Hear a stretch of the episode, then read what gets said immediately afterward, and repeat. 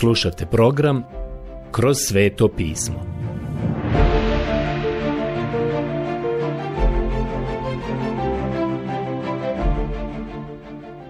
Knjiga Postanak. Odlomak Postanak poglavlje 32. Nadam se da imate svoju Bibliju otvorenu u 32. poglavlju knjige Postanka. Ovo je jedno od velikih poglavlja Biblije. Jesam li to već rekao? Mislim da jesam. Postoji jako puno značajnih poglavlja u Bibliji, a ovo je jedno od njih. Ovo je zapravo vrhunac u Jakovljevom životu i možemo ga nazvati prekretnicom u njegovom životu. Ovo nipošto nije njegovo obraćenje. Ovaj čovjek, uprkos činjenici da je živio u tijelu, a vjerujte mi živio je u tijelu, on je ipak bio Božji čovjek. To je razlog zbog kojeg je vama i meni rečeno da danas budemo vrlo oprezni u prosuđivanju ljudi jesu li kršćani ili nisu. Postoji mnogo ljudi koji ne izgledaju kao da su kršćani. Meni se čini da jesu, ili bolje reći da sam gotovo siguran da jesu, ali ne znam, to je u rukama gospodnji. Ti ljudi se ne ponašaju tako i ne daju vidljive dokaze da su kršćani. Nijakov nije dao ništa osim onih vrlo blijedih momenata kada mu se Bog ukazao i kada je on reagovao na neki način. Ovaj čovjek je bio Božiji predstavnik i Božiji svjedok u ovome svijetu, ali bio je loš svjedok. On takav kakav je ne može nastaviti da to bude, pa će se Bog njim pozabaviti. Bog će mu slomiti nogu da ga vrati sebi. Da, Bog će mu slomiti nogu da ga vrati na pravi put i u ispravno stanje. I nas gospod disciplinuje, jer gospodin stegom odgaja onoga koga ljubi i šiba svakoga sina kojeg priznaje za svoga. Poslanica Hebrejima 12.6. To je njegova metoda. On nas na taj način disciplinuje.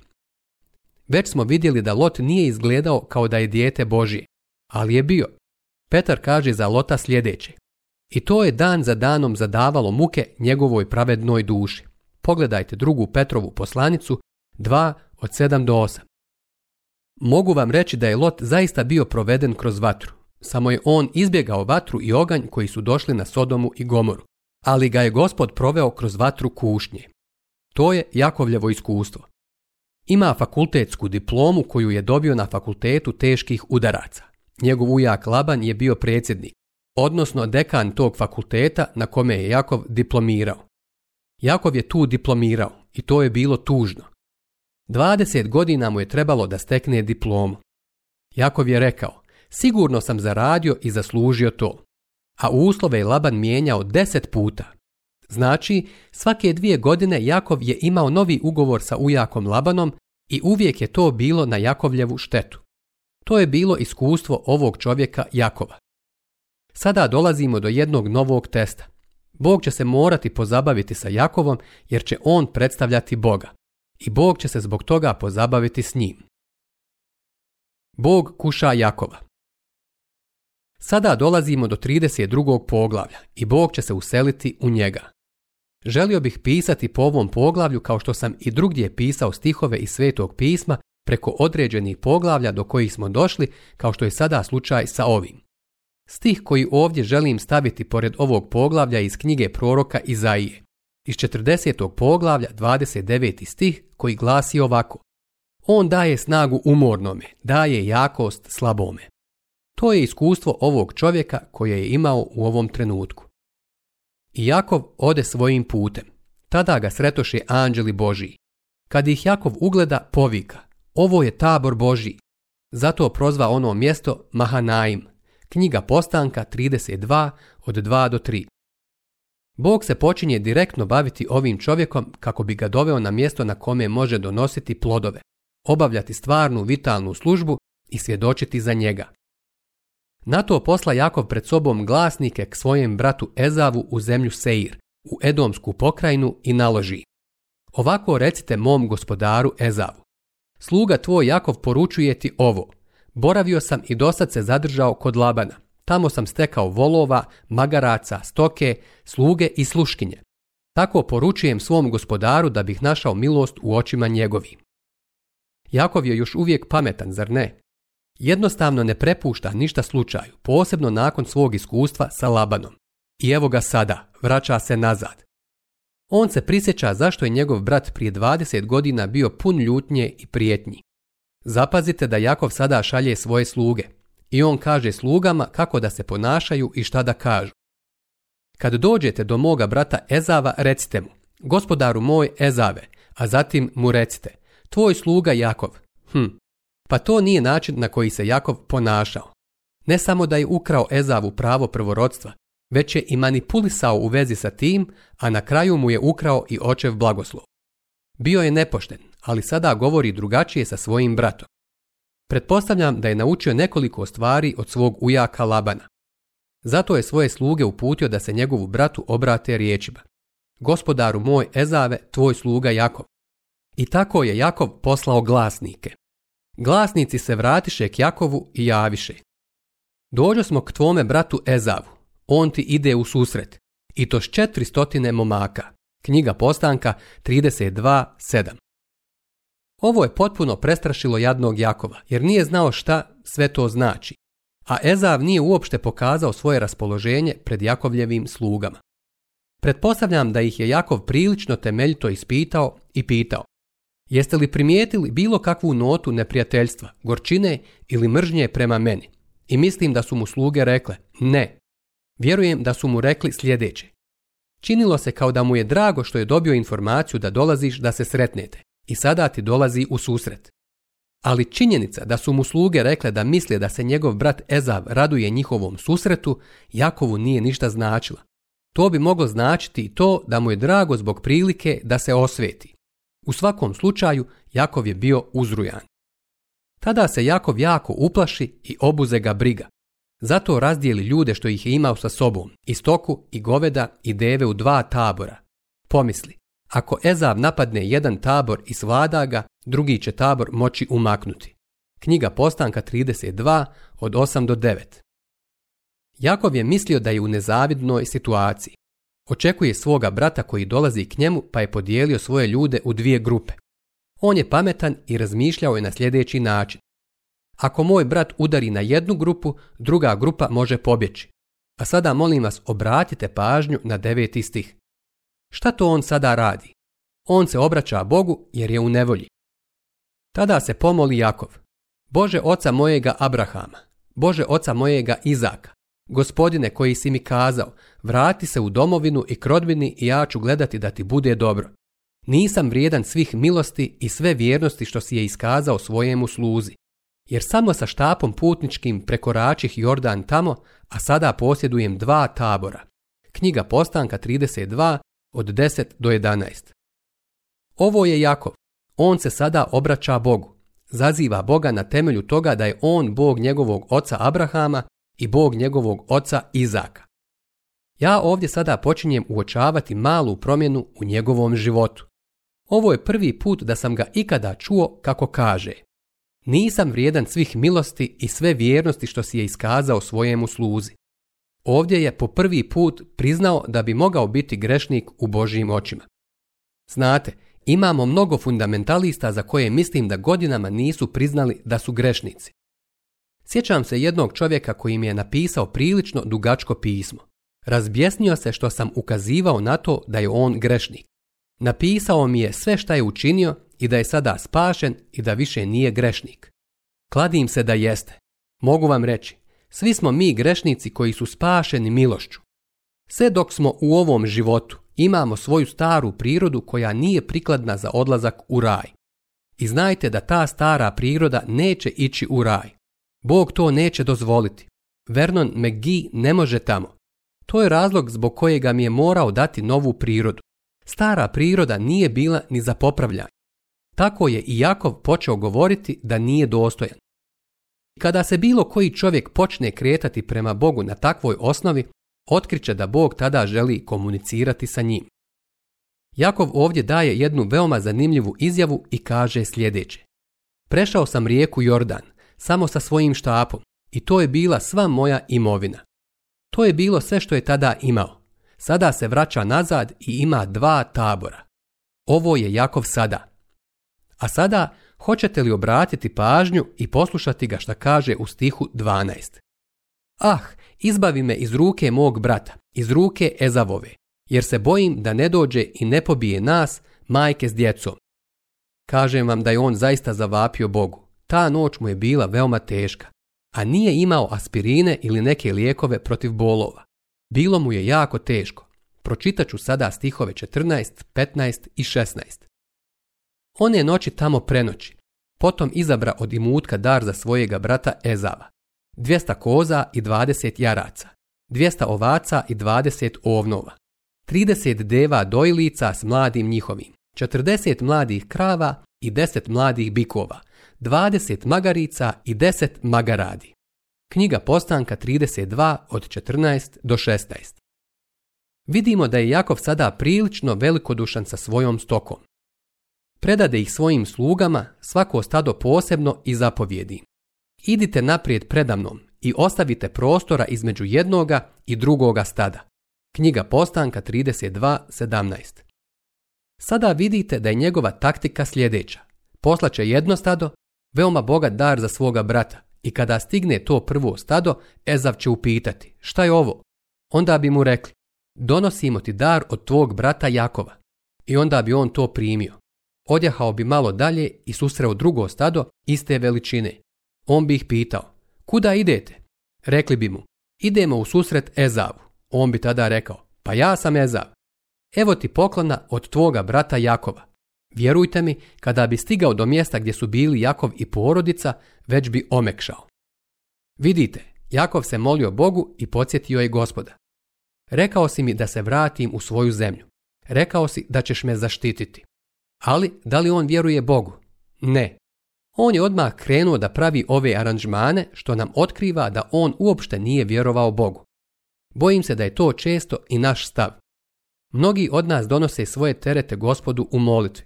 Samo ih istresemo pred njim. Ja to radim. A onda, kada završimo s molitvom, odmah se dignemo i svaki taj svoj mali teret vratimo natrag sebi na leđa i nastavimo dalje s njim. Ne vjerujemo mu u potpunosti, zar ne? Zapravo mu ne vjerujemo kako bismo trebali.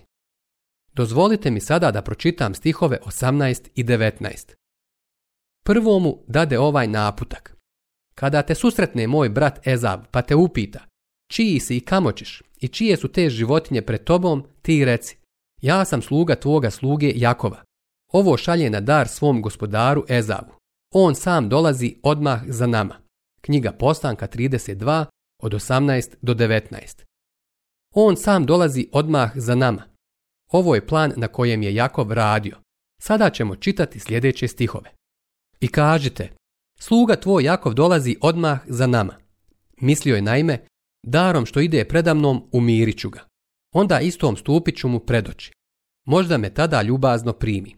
Tako ode dar naprijed pred njim, a on sam ostade one noći u taboru. Ipak se diže još one noći, uze obje žene i obje sluškinje i jedanaest cinova i prijeđe gaz jaboka. Uze ih, prevede ih preko rijeke i ostalo onda svoje imanje prenese prijeko. Knjiga Postanka 32, 21 do 24. Sada vidimo da je noć. To je veliko iskustvo u njegovom životu koje mu se dogodilo. Sada ćete primijetiti da je došao na ovo pusto mjesto, potok Jabok. Tamo postoji prelaz. Bio sam tamo. Namjerno sam se udalio od grupe u kojoj sam bio i prošetao sam preko mosta koji je sada tamo. Sjedinjene američke države su izgradile vrlo lijepu cestu kroz to područje i to je urađeno za Hašemitsko kraljevstvo Jordan. Ta cesta vas vodi u to područje i tamo možete vidjeti ta mjesta. U protivnom ne biste ih mogli vidjeti, jer je tamo prava divljina. Ja sam slikao ovce koje su pile dole u potoku Jaboku. Tamo je prelaz preko potoka, ali je to veoma sumorno mjesto. Nalazi se tačno tamo dole između dva brdašca. To nisu prave planine, već je to veoma brdovita oblast. To je vrlo surova zemlja i tu je Jakov došao te noći. On nije sretan čovjek, ispunjen je strahom i sumnjom. Vidite, posljedice loših dijela dolaze na naplatu. Loše se ponio prema svome bratu Ezavu, a Bog mu nikada nije rekao da tako postupi. Bog bi već nekako obezbijedio pravo prvorodstva za njega. I tako je Jakov te noći poslao preko potoka Jaboka sve što je imao, a sam je ostao sa druge strane jer ukoliko bi njegov brat došao, to bi moglo poštedjeti njegovu porodicu i možda bi samo Jakov bio ubijen. Tako je Jakov ostao sam. Bog koji se hrve. Pročitat ćemo sada 24. stih. I Jakov osta sam i hrvao se s njim neki čovjek sve do zore. Postoji nekoliko stvari koje bih želio objasniti kada govorimo o ovom hrvačkom meču. Čuo sam da se govori da se Jakov hrvao. Zapravo, Jakov se uopšte nije bavio hrvanjem. Nije se htio hrvati ni sa kim. Budimo vrlo iskreni. Iza sebe ima ujaka Labana koji mu nimalo ne misli dobro, a ispred sebe ima svog brata Ezava, a zapravo Jakov nije dorastao ni jednom ni drugom. I sada kao da se nalazi između Čekića i Nakovnja. Ne zna na koju stranu da se okrene. Mislite li da se te večeri htio obračunati sa nekim trećim? Ja ne mislim tako. Časopis Time je prije nekog vremena stavio u sportsku rubriku tekst jednog autora, koji je komentarisao glasanje o tome ko je bio najveći Hrvač. I on je napisao sljedeće. Nijedan glas nije otišao najpoznatijem sportisti u istoriji, Hrvaču Jakovu. I gle, gle, dobili su pismo od nekog čitaoca koji im je napisao sljedeće. Možete li mi reći nešto o tom Hrvaču Jakovu? Mnogi ljudi nisu čuli za Jakova. Očigledno oni uopšte nikada nisu čitali svoju Bibliju. On nije Hrvač. Razjasnimo to ovdje na samom početku. Te večeri je bio sam jer je želio biti sam i te večeri nije tražio svađu ni borbu. Sada ćemo nešto reći o tom čovjeku koji se hrvao s njim. To je bitno pitanje. Ko je taj čovjek koji se hrvao s njim te noći? Bilo je mnogo nagađanja o tome ko je to bio i o kome se radi.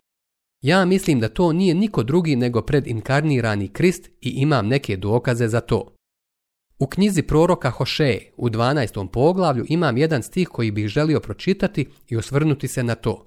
Dozvolite mi da to pročitam. Dakle, 12. poglavlje prvi stih u knjizi proroka Hoše.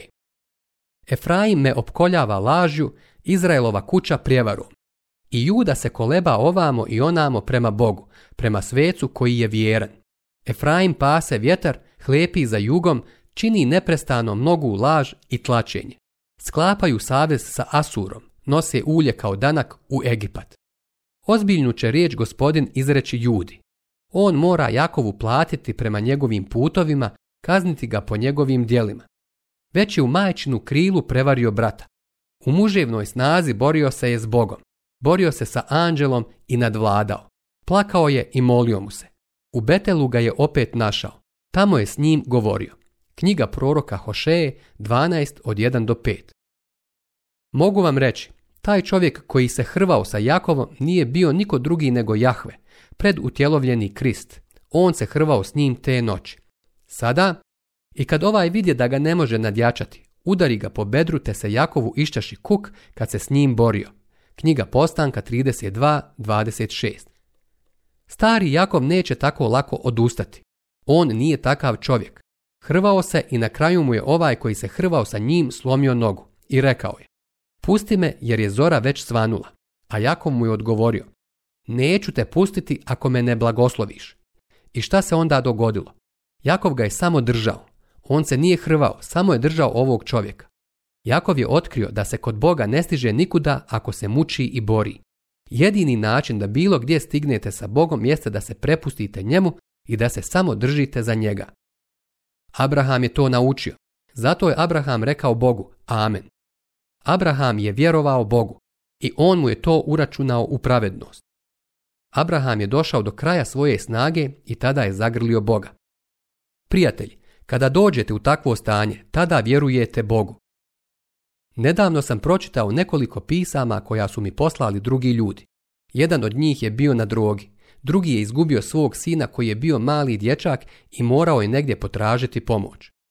Prijatelju moj, kad si voljan izdržati, on je tu i spreman je da ti pomogne. Jakovljevo ime promijenjeno u Izrael. Onaj ga upita, kako se zoveš? On odgovori Jakov, a onaj mu reče, sad se nećeš više zvati Jakov. Više ne Jakov, onaj koji je uzurpator, prevarant, nego Izrael. Zašto Izrael? Jer si se borio s Bogom i s ljudima i nadjačao si.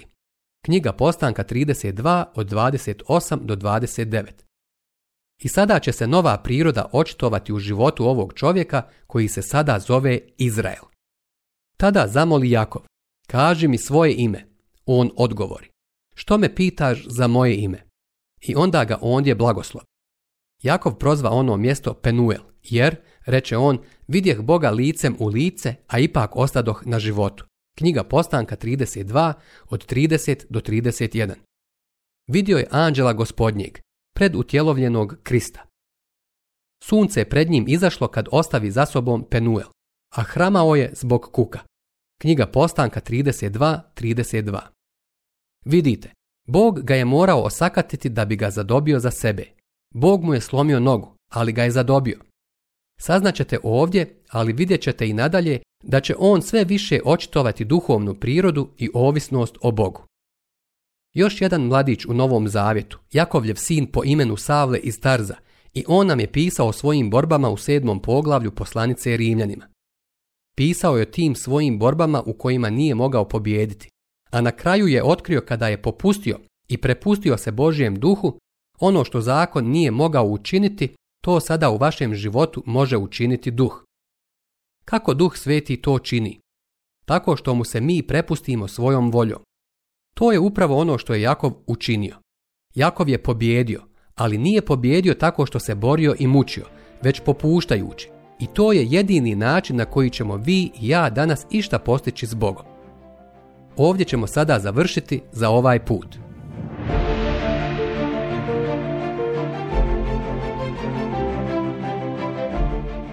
Slušali ste emisiju Kroz sveto pismo. Možete nas slušati i na našem YouTube kanalu putem mobilne aplikacije, te na svim glavnim podcast platformama kao što su Google, Apple i Spotify.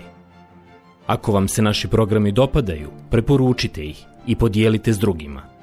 Budite slobodni da ostavite svoj komentar ili nam pišite na našu e-mail adresu kroz svetopismo.bih at gmail.com Zapratite našu stranicu kroz sveto pismo BiH na Facebooku i na Instagramu. Emisije iz ove serije možete pronaći na našoj stranici ttb.twr.org.